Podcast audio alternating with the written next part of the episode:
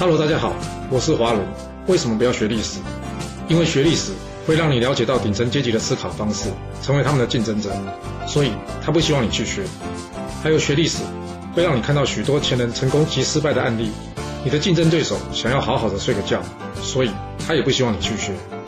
最重要的是，学历史会让你了解人性，你的老板以及同事都希望你保持天真的心，所以他们更不希望你去学。就是因为这些原因，接下来我要跟你说的是故事，而不是历史。今天主题是目的决定手段。要是你想要去市场，应该是开车去呢，还是走路去？这应该要看你的目的才能决定吧。若是你想要大采买，那开车当然比较适合；若是只是想要逛逛，好像就没有必要一定要开车，不是吗？所以说，目的决定了你的手段，不是吗？我们讲个故事吧，就像春秋时期晋文公啊，他想要攻打这郑国的例子。晋文公觉得郑国啊反反复复，一下子呢投靠晋国，一下子又跟楚国眉来眼去的，所以怎么样？他想要教训一下这个郑国了。但问题来了，要举起这霸主的大旗来讨伐郑国吗？虽然这样，晋国可以事半功倍，不过因为最近已经劳动各国诸侯很多次了，他担心啊这些小老弟们呢会抱怨。所以，经过再三考虑之后，他决定这次呢，只邀请秦国参战。不过这时呢，他一旁的元帅先轸呢，则是跟他说啊：“主公啊，这一次呢，不要邀请秦国了，我们晋国就能独自战胜了。因为郑国的位置呢，刚好是在这中原的心脏地带。若是让秦国一同来攻打郑国，他担心呢，这秦国最后呢，会想要瓜分郑国的土地呀。一旦这样。”秦国的势力便向东扩张啊，但是晋文公并没有接受这元帅先生的建议啊，因为他认为啊，郑国离秦国这么远，秦国怎么可能要郑国的土地呢？由于秦国国君啊曾经有护送他回晋国的恩情，加上上次两国国君呢有签署着战略同盟，说好了若有战事可以互相帮忙，所以呢，他还是坚持要邀请着秦国一同参战啊。而这秦晋两个大国呢，围攻着郑国啊，眼看这小国郑国就快灭亡了。就在这危急的时候啊，郑国派出了一位能言善道之士啊，去离间秦国跟晋国的友好关系，并让秦国呢退出了这场战事。秦国撤军之后呢，晋国的大臣呢原先建议这晋文公呢去追击秦军，为什么？因为秦军呐他们背信了，但是晋文公拒绝了。为什么？因为前面说过了嘛。秦国曾经对他有恩嘛，所以最后晋文公决定怎么样？用晋国一国之力啊，来继续攻打这郑国啊。而这郑国呢，为了避免被灭国的命运啊，最后只好怎么样？被迫求和了。那你听到这，你会不会觉得很奇怪啊？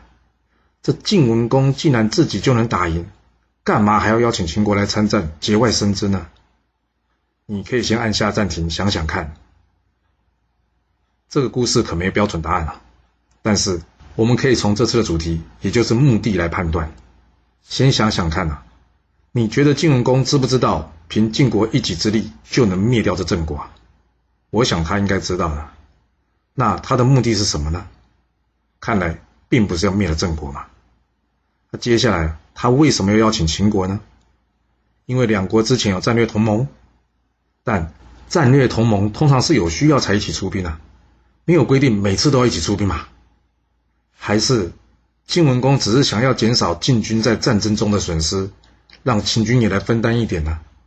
不过损失若是要分担，这利润不是也要分担吗？或许这正是晋文公的目的。这一战算是还秦国一个人情。但暗黑一点想，或许晋文公的想法是，如他元帅先轸所说啊，这郑国的地理位置优越啊。许多国家呢都争相想要这郑国，他邀请秦国出兵，秦国有没有可能半途会有变卦呢？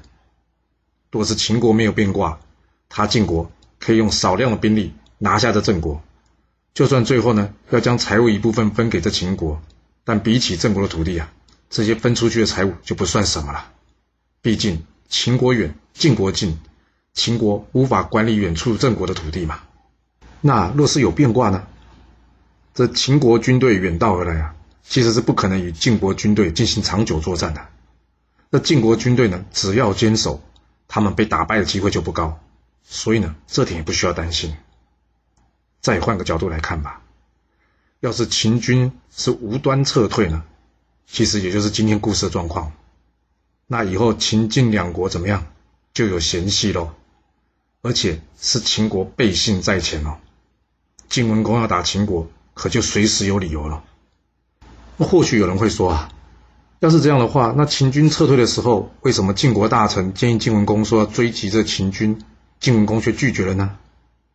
想想看啊，既然大家都觉得追击秦军是理所当然的，那换句话说，不追击秦军，算不算还给秦军一个人情啊？